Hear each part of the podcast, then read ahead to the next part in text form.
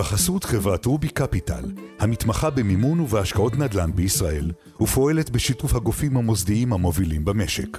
מגוון פתרונות ומסלולי מימון ליזמים תחת קורת גג אחת. לפרטים חפשו בגוגל רובי קפיטל, בכפוף לתקנון המופיע באתר. השוק היום נמצא בנקודת שינוי. אני בכוונה לא משתמשת במילה משבר. מה שאני רואה לפניי זה לא קריסה, משבר, התרסקות, אסון, כל אותן מילים שאני שומעת הרבה מסביב. אני רואה את זה כישיבה על הגדר. מה שיקרה עכשיו, כן, באמת, אף אחד לא רוצה לצאת פראייר. מי שלא חייב למכור לא מוכר, ומי שיחכה יותר מדי, בסוף יחווה עליית מחירים מחודשת. אז אם אתה מדבר איתי על השקעות, אני לוקחת אותך בטיסה ישירה לעולם ההתחדשות עירונית, כי שם, זה העתיד. לפני כמה ימים נפגשתי עם יושבת הראש הטריה של לשכת שמאי המקרקעין, נחמה בוגין, כדי לשמוע איך היא מנתחת את מה שקורה כיום בשוק הנדל"ן הישראלי, על איזה ערים או אזורים כדאי לפקוח עין, האם דירות שמיועדות לפינוי-בינוי צריכות באמת לעניין משקיעים, ולאן הולכים מחירי הדיור.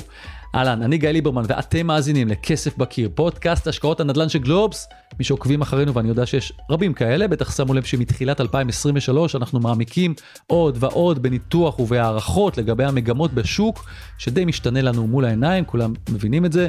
ומה יותר טבעי מפגישה עם שמאית מקרקעין? אז היום בעזרת נחמה בוגי ננסה לפצח או לאפיין טוב יותר את מה שעובר על הנדל"ן הישראלי, מגורים, יד ראשונה, יד שנייה, התחדשות עירונית, אפילו משרדים. בהמשך גם נשמע את אריק מירובסקי שלנו, אז יאללה, בואו נדליק את המיקרופון של נחמה, הנה פתוח. אהלן נחמה, ספרי לנו קצת עלייך ונצא לדרך. היי, אני נחמה בוגין, שמאית מקרקעין ומשפטנית, אה, יושבת ראש אה, לשכת שמאי מקרקעין בישראל. הנכנסת, הטריה. נכון, לגמרי, מרגישה, מרגישה מאוד ותיקה, אבל נכנסת, נכון, אני בערך חודשיים בתפקיד. אה, וגם אלופת ישראל במרוצי מכוניות. שזה פרי טריוויה שאני למדתי ממש לפני כמה דקות, עדיין מפתיע אותי. כן, לא רק אותך, אבל זה הכיף הכי גדול בעולם. אוקיי, כמה מילים עלייך, קצת על ההתפתחות שלך. אני נולדתי לזוג הורים מדהימים. אה, שני משפחות קשות יום, עולים חדשים. נולדתי בצריף בזרנוגה ברחובות. הייתה לי ילדות אה, עטופה באהבה, אבל חסרת אמצעים. בניתי את עצמי לבד בעשר אצבעות, חשבתי בהתחלה שאני אלך לתחום של מדעי הטבע בכלל, רפואה וכאלה. איכשהו עשיתי בסוף את השינוי לתחום הזה של שמאות מקרקעין, וזה אחד הדברים הכי טובים שקרו לי בחיים. אני למעלה משלושים שנה במקצוע הזה. ונהנית כל יום מחדש, התחום שלנו פשוט מרתק. אני לגמרי מסכים, והסיבה העיקרית שאני פוגש את נחמה היא השינוי שחל בשוק. שוחחנו על זה לא מעט בפרקים האחרונים, אבל נראה לי שבנקודת הזמן הזו, עוד ועוד אנשים ממשיכים לנסות ולהבין מה קורה שם במים הסוערים שמסביב. אז ביקשתי מנחמה כמה תובנות שלה לגבי המצב הנוכחי. השוק היום נמצא בנקודת שינוי. אני בכוונה לא משתמשת במילה משבר, אני קוראת לזה שינוי, והשינוי כמובן המשמעותי הוא הנושא של הריביות. התרגלנו הרבה מאוד זמן לעבוד בסביבה של ריבית אפס, ועכשיו כשהריביות עולות ובצורה די דרמטית אפילו, ובצורה די מהירה ובפרקי זמן קצרים, זה משנה את כללי המשחק. משנה את כללי המשחק, אבל מה שאני רואה לפניי, זה לא קריסה, משבר, התרסקות, אסון, כל אותן מילים שאני שומעת הרבה מסביב. אני רואה את זה כישיבה על הגדר, זה קורה תמיד כשיש שינוי. ישיבה על הגדר, לפעמים חישוב מסלול מחדש כמובן, וזה משני הצדדים דרך אגב, גם מצד היזמים וגם מצד הרוכשים. כשאת אומרת ישיבה על הגדר, זה אומר שאנחנו צריכים לראות, או שכבר רואים פחות עסקאות ממה שהתרגלנו בתקופה המקבילה אשתקד, שנה לפני זה? חד משמעי. אנחנו רואים פחות עסקאות, אה, גם כתוצאה מהשינוי, אבל גם במידה מסוימת זה תיקון של הטירוף שהיה קודם. כלומר, צריך שנזכור כל הזמן שאנחנו בוחנים את עצמנו היום, את המצב היום, לעומת מה שהיה קודם, שהוא לא בהכרח בעצמו היה משהו סביר ושגרתי, הוא היה עוצמתי לצד השני. אבל כן, באופן יחסי יש ירידה, וזה בהחלט מורגש. וזאת המשמעות של ישיבה על הגדר. אנשים עוצרים לרגע לעכל את מה שקרה, לשנות, לחשב מסלול מחדש. שוב, גם היזמים מהצד שלהם מבחינת מימון, גם הרוכשים מהצד שלהם מבחינת יכולת הרכישה שלהם. אולי זה גם מתוך ציפייה ש... עוד רגע המחירים יהיו נמוכים יותר, אז למה לי לשלם עכשיו איקס כסף? יכול להיות שעוד חודש, חודשיים המחיר יהיה נמוך 100 אלף שקלים. קודם כל יש את הציפייה הזאת, וגם בהחלט בתקופות מהסוג הזה יש הזדמנויות גם מדי פעם, זה נכון, זה בהחלט קורה, אבל אם מסתכלים על השוק במקרו, באופן כללי, אחרי תקופה כזאת או אחרת, והיא לא חייבת להיות מאוד מאוד ארוכה, הביקושים הכבושים מתפרצים. עדיין, הפער בין הביקוש להיצע הוא עצום. מחסור של 250 אלף דירות זה לא משהו שאתה מגשר עליו ברגע. אנחנו גם בפודקאסט ולא רואים אותי, אבל אני בעצם עכשיו מעלה את היד באלכסון כלפי מעלה, ומראה מגמה של עלייה. נכון שהיא מורכבת מגבשושיות כאלה של עליות וירידות בתוכה, בתוך, ה, בתוך המגמה הזאת, ובסופו של דבר המגמה היא כלפי מעלה. את מדברת על מחירי נדל"ן. נכון.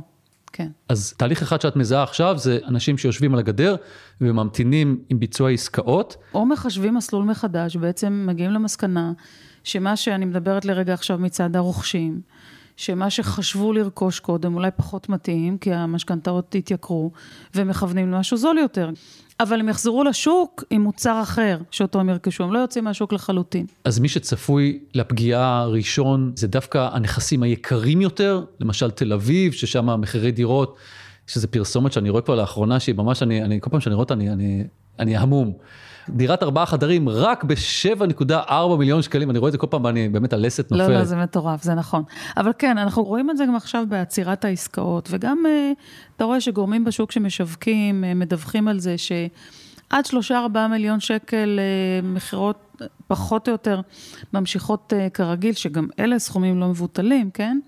אבל באמת הדירות היקרות יותר, יותר קשה היום למכור, והעצירה היא בעיקר שם. וגם חישוב מסלול מחדש. תגידי, מה לגבי דירות אחרות, נניח דירות ממוצעות, חדשות ויד שנייה? דירות נקרא לזה ממוצעות ומטה, ממשיכות להיות נדרשות כמו קודם, אני לא רואה שם אה, שינוי יותר מדי גדול. ודירות יד שנייה מן הסתם מושפעות ממה שקורה בדירות יד ראשונה, זה בכל זאת איזשהו רפרנס שאליו אה, הם מתייחסים, למרות שלפעמים כשאתה מנתח את הדברים יותר בפינצטה ולא במקרו, אתה יכול לראות לפעמים אזורים שבהם דירות יד שנייה יותר יקרות מדירות יד ראשונה, כי הם במיקום יותר אטרקטיבי מדירות יד ראשונה. תראי, בדיווחים האחרונים, אנחנו רואים שאת מחירי הדירות החדשות, אפשר לראות כבר ירידה, זאת אומרת, אנחנו מדברים על הדוחות של הכלכלנית הראשית, אפשר לראות ירידת מחירים, שדירות יד שנייה זה עדיין ככה לא ברור כל כך, זה בגלל שאין אה, אה, בגלל אין, קצב התגובה? בגלל, כן, בדיוק, בגלל קצב התגובה. זה תמיד קורה טיפה יותר מאוחר, ומהר מאוד יראו גם את ההשפעה שם, אבל לדעתי עוד לפני שיספיקו לראות את הירידה בדירות יד שנייה, יראו את העלייה מחדש גם של החדשות. וואו, זאת אה, חתיכת החזית. אני חייב כן. להגיד לך שאני זוכר משהו, כבר אמרתי את זה בעבר באחד הפרקים, אני ממש זוכר מהמשבר העולמי ב-2008, הייתי אז כבר כתב נדל"ן, ואני ממש זוכר תיאור שאת תיארת קודם של ישיבה על הגדר, אבל זו הייתה ישיבה שהביאה לזה שלמעשה ירידת המחירים הייתה רק על הנייר. את מוזמנת אגב לאתגר את הזיכרון שלי mm-hmm. אם את uh, זוכרת משהו אחר, אבל בעצם לא הייתה ירידת מחירים באמת כי אנשים פשוט לא מכרו דירות. אז יכול להיות שאנחנו נראה את אותו מצב גם עכשיו כי ישראלים לא רוצים לצאת פראיירים וכאלה, ומי שלא חייב למכור פשוט לא ימכור בהפסד. ממש ככה ואני זוכרת מצוין באמת את הימים האלה של 2008 ואני אז חושבת שהייתי בין הבודדים שאמרו השוק לא הולך להתרסק ישיבה על הגדר, וכשהיה מע"מ אפס אמרתי אותו דבר, ואני אומרת את זה גם עכשיו, ולדעתי זה בדיוק אותו דבר. מה שיקרה עכשיו, כן, באמת, אף אחד לא רוצה לצאת פראייר, מי שלא חייב למכור לא מוכר, ומי שיחכה יותר מדי, בסוף יחווה עליית מחירים מחודשת. ודרך אגב, בואו לרגע ניכנס לפרופורציה. אנחנו מדברים על שנה שהייתה בעליית מחירים של רק, ולא רואים כאן בפודקאסט אותי עושה עם ככה, עם שתי אצבעות את הגרשיים, אבל פעם 14 אחוז בשנה היה אחוז מטורף. היום זה רק 4 אחוז, כי בשנה הקודמת, רק 14 אחוז, כי בשנה הקודמת היינו ב-20 אחוז, אז בואו לרגע ניכנס לפרופורציית. העלייה היא עדיין עלייה מטורפת, היא רק מתמתנת, היא בהחלט מתמתנת, ואחת המטרות של העלאת הריבית הייתה בדיוק למתן את העלייה הזאת, וזה מצליח. אז שורה תחתונה, שנת 2023, לדעתך, המחירים ימשיכו לעלות, או שנראה איזושהי ירידה מסוימת? אני צופה שתהיה עלייה, אבל יותר מתונה, אבל העלייה תמשיך. רק תוספת קטנה, אחרי שקיימנו את הראיון התפרסם מדד המחירים לצרכן לחודש מרץ האחרון, וגם שלל נתונים של הלמ"ס שהצביעו לראשונה מאז שנת 2020 על ירידה קלה במחירי הדירות של שתי עשיריות האחוז, כאשר מחירי הדירות החדשות ירדו בשיעור ממוצע משמעותי יותר מאלה של דירות היד שנייה, ואם כבר נתונים עדכניים, אז בסקירת הנדל"ן הכי עדכנית של אגף הכלכלנית הראשית באוצר מהשבוע שעבר, שהתפרסמה ב-19 לאפריל, כותבי הסקירה הצביעו על ירידה תלולה בהיקף העסקאות בדירות יד שנייה, 3,775 דירות בלבד שנמכרו בחודש הזה בכל הארץ, וזו ירידה של 48 אחוזים לעומת פברואר 2022. אמרנו, יושבים על הגדר. עוד דבר מאוד מאוד מעניין אותי לשאול אותך, כי את מה, מהנקודה שבה את נמצאת, את, את פוגשת גם את היזמים, את הקונים, ומדובר לא אחת על כוח הקנייה. הזכרת קודם גם דירות של, אה, אה, אני לא רוצה להגיד זולות, שלושה ארבעה מיליון שקלים זה המון. עד כמה נוכל להמשיך לשלם את המחירים האלה? זאת אומרת, להביא שלושה מיליון שקלים בשביל לקנות דירה, זה דבר לא פשוט כל כך. בטח לזוג צעיר, וגם אני חושב על הורים שרוצים לעזור לילדים שלהם, אם פעם, נגיד, הצליחו לאסוף חצי מיליון שקלים, וזה נתן באמת Start ענק. היום, היום חצי מיליון שקלים... היום זה לא רלוונטי, נכון. אז עד כמה כוח הקנייה שלנו יוכל לספוג את העלייה הזאת? כן, אז אתה באמת מצביע על בעיה מהותית, ודרך אגב, אני מוצאת את עצמי בזמן האחרון אומרת שפעם זה היה בלתי אפשרי לקנות דירה, כמובן שגם היום, אבל היום זה כבר כמעט בלתי אפשרי אפילו לשכור דירה. גם מחירי השכירות הופכים להיות כאלה שהחבר'ה הצעירים לא עומדים בהם. ובאמת זה נכון שהיום לרכוש דירה הופך להיות אה, מיום ליום משהו שמתרחק יותר ויותר, וגם באמת עזרה של ההורים כבר לא תמיד מספיקה, כי שוב, בדיוק כמו שאמרת, אם מצליחים לגייס את אותם כמה מאות אלפי שקלים, אה, עדיין, עדיין זה לא מספיק לייצר את ההון העצמי. אה, אני חושבת שחייבת להיות מגמה הרבה יותר נמרצת של עידוד של דיור להשכרה. ואם אנחנו מדברים על השינוי של הריבית, אז עליית הריבית הורגת את השוק הזה. ראינו חי... את זה במכרזים חי... האחרונים. בדיוק ככה, וחייבים, ואני רוצה להגיד לך שכיושבת ראש הלשכה, אני יושבת עכשיו לא מעט בכנסת ולא מעט מול מקבלי החלטות, ואני מנסה לדחוף איפה שאנחנו, מהזווית שלנו כשמאי מקרקעין, יכולים לתרום את תרומתנו למה שקורה כאן בשוק הדיור. אז אני באמת חושבת שהדיור להשכרה, אני אומרת את זה בכל הזדמנות, חייב לקבל דחיפה משמעותית. קודם כל, כל נושא הריבית לא יכול לחול עליו, כי באמת זה הורג את השוק הזה. הוא הופך להיות חיוני יותר ויותר מיום ליום, כי כמו שאתה אומר, כוח הקנייה, הקהל שיכול להרשות לעצמה לקנות דירה, הולך ומצטמצם. עם ההורים, בלי ההורים, זה כבר לא משנה. והעידוד של דיור להשכרה צריך לבוא משני מקומות. קודם כל עם מוסדות התכנון, שם אני דווקא חושבת שיש לזה מודעות מאוד יפה, אה, ובאמת אה, יותר ויותר נדרשים להכניס בתוך תוכניות, בתוך טאבות, בתוך אה, תוכניות מתאר, דרישה לאחוז מסוים של דיור להשכרה, שזה נפלא. מה שחסר זה מכיוון האוצר, של באמת כל אותו עידוד של הפרויקטים מהסוג הזה, נושא הריבית חייב להיות מוחרג באיזושהי צורה, כי אחרת המצב, שוק הדיור, המצב יחריף עוד יותר. מכיוון שאנחנו פודקאסט שמתרכז בהשקעות נדל"ן, זה יכול להיות דווקא משהו שיכול גם מאוד לקרוץ למשקיעים. דווקא לרכוש דירות מתוך הנחה שהנה, גם החברות הגדולות עכשיו פחות נכנסות, זאת אומרת, יש פחות בעלי בתים שמשכירים נכסים, אז דווקא כדאי להיות שם ולהחזיק בדירה, כי אנשים ירצו לשכור דירה איפשהו. אז אם אתה מדבר איתי על השקעות, אני לוקחת אותך בטיסה ישירה לעולם ההתחדשות העירונית. אוקיי. לעולם ההתחדשות העירונית, כי שם, זה, זה העתיד, זה גם ההווה. אני, הרבה פעמים כשאני מדברת בהקשר של התחדשות עירונית, אז אני משתמשת במילה שאנחנו לא אוהבים להיזכר בה אקספוננציאלי. אתה זוכר מתי הרבנו להשתמש בה בתקופת הקורונה? מתי נחשפנו אליה. כן, בדיוק, נכון, אבל זה לא דומה בכלל. זאת מחלה מדבקת נהדרת הפעם. אז באמת, התחום של התחדשות עירונית הוא בפריצה מטורפת. אז אם בזווית של משקיע, ההשקעה הכי נכונה בעיניי, זה באמת אה, דירות באזורים של, אה, שמיועדים לפינוי-בינוי.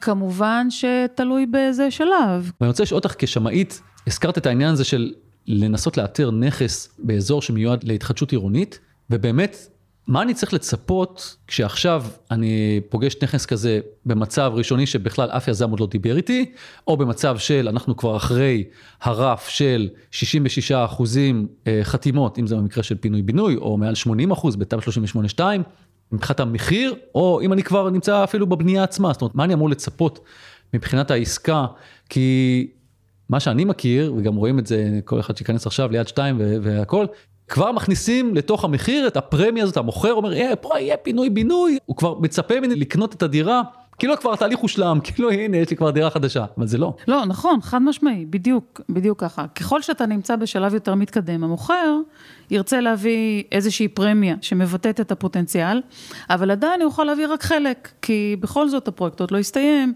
הדירה עוד לא מוכנה, לא נוכל למשש אותה, לא לעבור לגור בה מחר. אז כשאת באה כאשת מקצוע, ועכשיו את רואה בשלבים מסוימים, יש לכם איזשהו רף מסוים, איזשהו קוד כזה שאתם באים ואומרים, אוקיי, אם פה אתם עכשיו רק בתחילת התהליך, אני מעריכה את זה, אני רואה ששווי השוק הוא מיליון, כמה את מוסיפה לשווי הזה? תראה, ברמה התחשיבית, לכאורה, מה שאני צריכה לעשות זה לאמוד את שווי דירת התמורה, שצפויה להתקבל מתישהו, ואז לעשות הפחתה בגלל הדחייה בזמן והסיכון. הסיכון בא לידי ביטוי בשיעור ההיוון שאנחנו מביאים אה, בחשבון.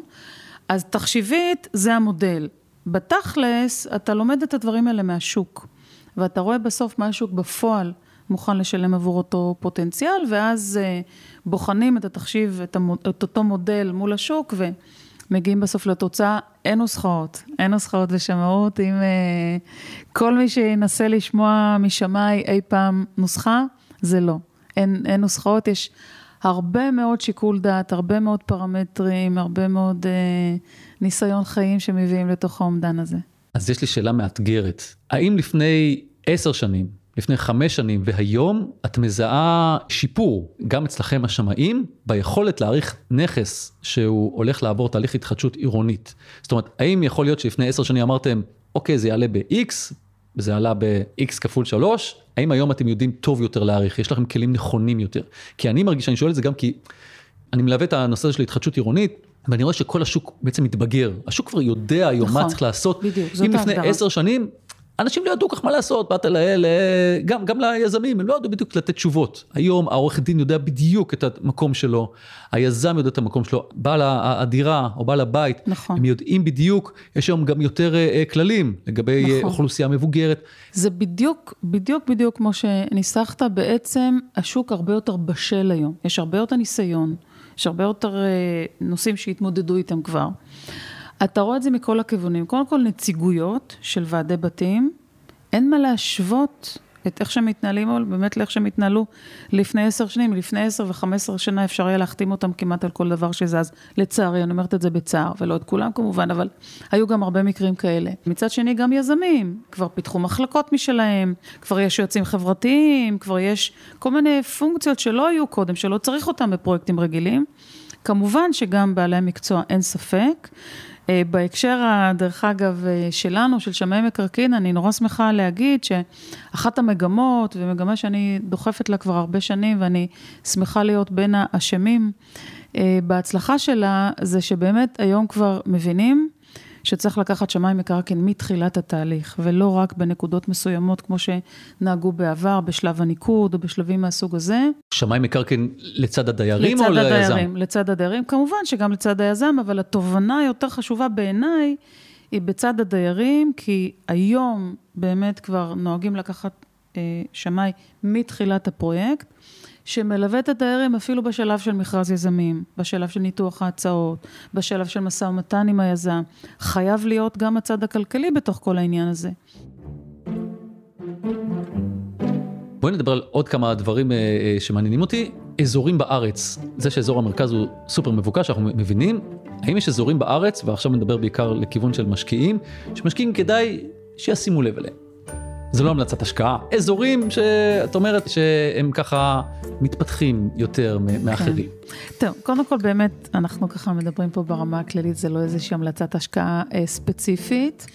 אה, בכל זאת, אנחנו רואים אזורים שבהם, אה, טוב, אם אנחנו יוצאים מהמרכז ואתה לוקח אותי לפריפריה, אז אה, יש אה, לא מעט הפתעות גם שם. אפשר לראות אה, למשל באזור הקריות, באזור חיפה והקריות אפשר לראות לא מעט התפתחות שם. דרך אגב, גם הרבה מאוד התחדשות עירונית, וזה בסופו של דבר מעלה את רמת החיים באזורים האלה. נלך דרומה, אה, נתיבות, אה, שדרות, גם שם יש לא מעט הפתעות לפעמים. וכאשר רוצים להשקיע ויש אה, סכום יחסית מצומצם, בהחלט לא מזיק להסתכל גם באזורים האלה, אה, וחוץ מאשר העניין הכללי של התחדשות עירונית, אני חושבת שגם בכל מקום שבו יש אה, מוסדות לימוד ויש ביקוש להשכרה של היחידות האלה, זה, זה מקום אה, ככה לשים עליו, אה, לתת עליו פוקוס, ויש כאלה גם בצפון וגם בדרום, לא חסרים, כן. עוד שאלה בעניין הזה, של, גם אה, בהקשר של התחדשות עירונית, אני שוחחתי לאחרונה עם אה, ראש עיריית נשר למשל. נכון. יש להם תוכניות שמתפתחות, שאלת אותו, אוקיי, מה, מה היחס שם? כן. אחד לשש. נכון. לא תיאמנו הנה, אנחנו, זה ממש... ממש לפני יומיים, דיברנו יחד באותו פאנל בכנס של... את וראש עיריית נשר, נכון, רועי? נכון, ורועי, בדיוק, בחור מקסים ומאוד מוכשר. דיברנו בפאנל בכנס של איגוד התאגידים העירוניים בדיוק על זה. ואז הוא באמת דיבר על זה, שזה מכפיל של 1 ל-6, ומה שדובר שם, ואני מאוד, מאוד מסכימה, זה שהחסם בהתחדשות עירונית הוא התשתיות, הוא התשתיות, כלומר...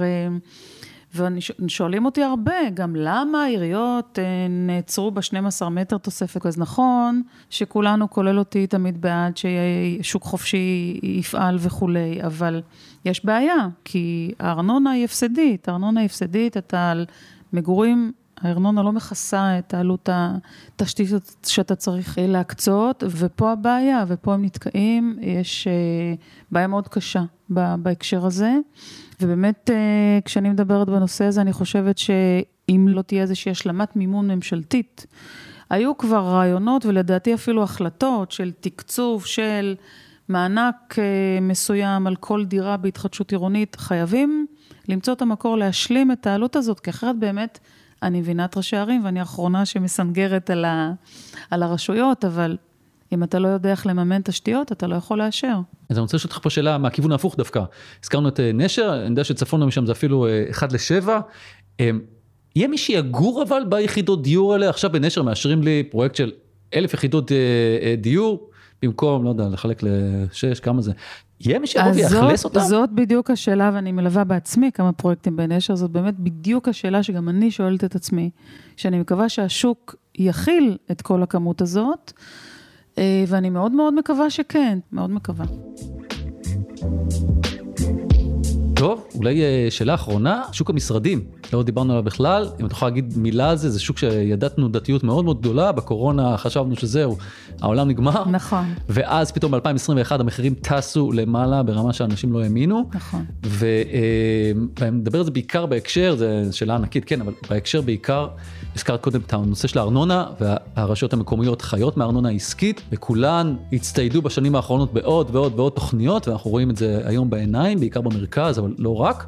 יהיה מי שיאכלס את כל המשרדים האלה שאנחנו רואים, אזורי תעסוקה שנפתחים בכל מקום? אז זהו, זאת גם סוגיה שאנחנו עוסקים בה כל הזמן, ואם נסתכל עשר שנים אחורה, שאלנו את עצמנו את השאלה הזאת כל שנה מחדש. אה, שוב, גם פה, השוק התאושש מאוד מהר, כי באמת בקורונה... ידענו שהמגורים לא ייפגע, שוב, בגלל הפער המאוד גדול בין הביקוש וההיצע, אבל חששנו למסחר ולמשרדים. אה, דבר שמאפיין מאוד את השוק הישראלי זה שההתאוששות מאוד מהירה אצלנו, באמת מאוד מאוד מהירה, ובאמת אה, שמחנו כולנו לראות שהשוק הזה מתאושש אפילו מהר ממה, ש, ממה שחשבנו. כמובן שהוא מושפע, השוק הזה גם ממה שקורה, ריביות וכולי. באמת, מה שקורה היום בהרבה תוכניות מתאר גדולות, מוסיפים שטחי מסחר ותעסוקה, ואפילו סוג של מצרפים, כאשר נותנים הקצאות לבעלי הקרקע, מקצים להם שטחי מגורים, ובנוסף גם חלקים במסחר, כדי לדחוף את המימוש של השטחים האלה. זה יותר מאתגר, זה נכון שזה יותר מאתגר, אבל איכשהו בסוף אתה רואה שהם מתמלאים. בסוף אתה רואה שהם מתמלאים, איכשהו זה קורה. אז צריך לשמור על אופטימיות כנראה, כן. אוקיי, נחמה בוגין, אני מאוד מודה לך שהצטרפת אלינו. תודה רבה, תודה רבה. עד כאן נחמה בוגין, ועכשיו לפרשן הנדל"ן הבכיר של גלובס, אריק וירובסקי. אהלן אריק. שלום וברכה גיא. היום אנחנו מקליטים בכלל פנים אל פנים, שזה חגיגה. וואו, זה נדיר. נדיר לגמרי, שנינו באותו מקום. תגיד, אה, שמענו את נחמה, אה, היא כמובן אה, היום הקול הכי מייצג של השמאים, אני רוצה לשאול אותך, עד כמה חשוב בתהליך של השקעה, לקחת או לא לקחת שמאי מקרקעין להערכה פרטית? אני אגיד לך יותר מזה, גיא. נרחיב את השאלה, האם כשאתה קונה דירה, בכלל, האם שווה לקחת אה, שמאי בטרם אתה לוקח משכנתה, ואז הבנק אה, נותן לך רשימה של שמאים וכדומה. Uh, התשובה שלי זה מומלץ מאוד מאוד. כשאתה לוקח שמאי כמקובל מטעם הבנק, זה בדרך כלל אחרי שכבר חתמת על uh, חוזה, ולמעשה השמאי בא כדי uh, לתת uh, שומה לצורך המשכנתה, אבל אתה כבר לא יכול, ואם הוא פתאום אומר לך שהמחיר של הדירה נמוך ממה שאתה סיכמת עם המוכר, it's too late. אתה לא יכול לעשות עם זה כלום. אה, אתה רק יכול לקוות שהבנק יאשר לך את המשכנתה שרצית, על אף שמחיר הדירה נמוך ממה שאתה סיכמת עליו. התהליך הזה הוא מאוחר ויש היום פרקטיקה שהיא התחילה להיות נפוצה יותר ויותר ואני מאוד ממליץ עליה. אתה נמצא במשא ומתן עם אה, בעל דירה, בעל נכס. בשלב ההוא תיקח שמאי, אבל תיקח בחשבון שאותו שמאי הוא גם עובד עם הבנק או עם בנקים למשכנתאות שאצלם אתה שוקל לקחת את המשכנתה. לשמאי ההוא תשלם קצת, זה לא הרבה, זה אלפי שקלים בודדים. אני לא רוצה להגיד כמה, זה משתנה מנכס לנכס, גודל הנכס, הסיבוך שלו, זה, זה משתנה, אבל זה אלפים אה, בודדים של שקלים בדרך כלל. בוא נגיד שמי שלוקח יועץ משכנתאות, משלם כנראה יותר. ייתכן. אותו שמאי עושה לך אה, שני דברים. ראשית כל, הוא נותן לך את המחיר אה, המקובל של הנכס, והוא עשה כבר את הבדיקות, והוא עושה גם בדיקות אה, תכנוניות עליו, ואנחנו נתקלים לא פעם בסיפורים לא נעימים על משקיעים שקנו דירת שלושה חדרים, שאפס, חדר אחד הוא מאולתר ולא מאושר ולא, ולא חוקי. השמאי עושה לך את העבודה הזאת. ומיד לאחר מכן אתה יכול לפנות לאותו שמאי שיעבוד עבורך לצורך המשכנתה, ואז הוא יגבה ממך, גם ככה המחיר לא, לא מאוד גבוה, אבל יכול מאוד להיות שהוא יגבה עבור זה מחיר אפסי. אני לא רוצה, לא רוצה להיכנס לקטע הזה, אבל באמת מבחינת עלות זה יהיה אפס. אבל מה שחשוב מלכתחילה, שאתה יודע שה... הוא לא ייתן לך מחיר אחר ממה שהוא נתן לך בשומה הפרטית. אז גם הוא ימנע ממך הפתעות כשאתה מגיע למשכנתה. זה טוב גם למשקיעים וגם לרוכשי uh, דירות יחידות. אוקיי, okay, אז אתה ממליץ. דבר uh, נוסף, נחמה דיברה על נושא של התחדשות עירונית כסוג של uh, המלצה או מיקוד עבור משקיעים, שימו לב. Uh, האמת שיצאנו לדבר על זה לא מעט uh, גם בפרקים אחרים. שנושא ההתחדשות העירונית הוא מאוד מאוד קורץ היום למשקיעים, כי רואים את המצב היוצא, מה שנקרא, המצב העתידי, שיכול אה, פתאום להביא קפיצת מדרגה מאוד רצינית מבחינת שווי הנכס, אבל למה כדאי לשים לב או ממה כדאי להיזהר? כי אנחנו יודעים שלא הכל ורוד. נכון, בדרך כלל הדיבורים מקדימים את המציאות בנושא הזה. אה, התחדשות עירונית באמת אה, מתקדמת מאוד, אבל עדיין, לצערנו הרב, תהליך המימוש של תוכנית התחדשות עירונית הוא מאוד ארוך, עשר שנים פלוס. למעט ענף אחד, תמ"א 38, הוותיקה, מושמצת, לא סובלים אותה אה, בדרך כלל המתכננים, כן, האנשים בעלי הדירות וזה די מבסוטים ממנה בדרך כלל, אבל בתכלס זו תוכנית שמרגע שסוכם עליה, אה, לוקח אה, יחסית זמן קצר, בטח שלא 10 פלוס שנים, כדי לממש אותה. לגבי יתר ההתחדשויות העירוניות, אני מדבר בייחוד על פינוי-בינוי, זה הליך ששוב, לוקח המון המון שנים. אופק של משקיע, ואני חושב שדיברנו על זה לא פעם ולא פעמיים, הוא חמש שנים, שבע שנים. התחדשות עירונית הרבה פעמים זה הרבה מעבר. ולכן אני קצת מסויג לגבי ההמלצה הגורפת. אני חושב שאנשים צריכים אה, לבוא ולבדוק בדיוק התחדשות עירונית, למה הכוונה. האם מדובר בשכנים אה, שבאו והסכימו שהם מוכנים לעשות פה פינוי-בינוי? האם כבר יש תוכנית מסודרת, יזם מסודר? ואני אגיד לך יותר מזה, אנחנו נכנסים לתקופה קשה, זה לא סוד. שבה אנחנו צפויים לראות ירידה משמעותית בכל תהליכי ההתחדשות העירונית. יזמים פתאום יגידו, חבר'ה, המכפיל שנתתם לנו הוא נניח שניים וחצי, זאת אומרת שתיים וחצי דירות חדשות על דירה ישנה אחת. זה באזורי לב הביקוש. לדוגמה, בלב הביקוש. ולפתע, וואלה, זה לא כלכלי, אני רוצה שזה יהיה 2.8. הופה, כדי שיש מכפיל 2.8. נחזור לוועדה. צריך לוועדה המקומית, צריך את הכל מההתחלה, וחברים, לא יהיה לזה סוף. אז אני אומר, להיות מאוד חשדניים בנושא הזה, ולבדוק טוב את הדברים. כן, צריך להתחמש בלא מעט מזל גם. אריק, תודה רבה שהיית איתנו. תודה גם לך, גיא. בחסות חברת רובי capital, יזמי נדל"ן, בתקופה של אי-ודאות שם המשחק הוא פיזור סיכונים מחושב. קרן ההשקעות של רובי capital, שותפת equity שקטה, מספקת לכם את השקט הפיננסי הדרוש לניהול הפרויקט בהצלחה. למידע נוסף, חפשו רובי קפיטל בגוגל, בכפוף לתקנון המופיע באתר. זהו, עד כאן עוד פרק של כסף בקיר, עשרות פרקים מעולים נוספים שלנו ממתינים לכם בכל אפליקציות הפודקאסטים או באתר גלובס. אם יש לכם שאלות, הערות, או שתרצו בעצמכם להתארח בפודקאסט שלנו, לשתף בסיפור ההשקעה שלכם, דברו איתי, ניתן לפנות אליי בפייסבוק או בטוויטר, יש גם אנשים שפונים באינסטגרם, אפשר גם דרך כתובת המייל שלנו, כסף.בקיר את גלובס.co.il, באותיות באנגלית כמובן. ניר לייס ערך את הסאונד, וילה וייסברג היא עורכת הפודקאסטים של גלובס. תודה שוב ליושב ראש לשכת שמאי המקרקעין, נחמה בוגין. יאללה, אני יוצא לנשר למצוא לי איזה דירה בפרויקט עם פוטנציאל להתחדשות עירונית, בעצם אולי בדימונה, רגע, יותר טוב, קריות, או שלא. אני גיא ליברמן, ביי.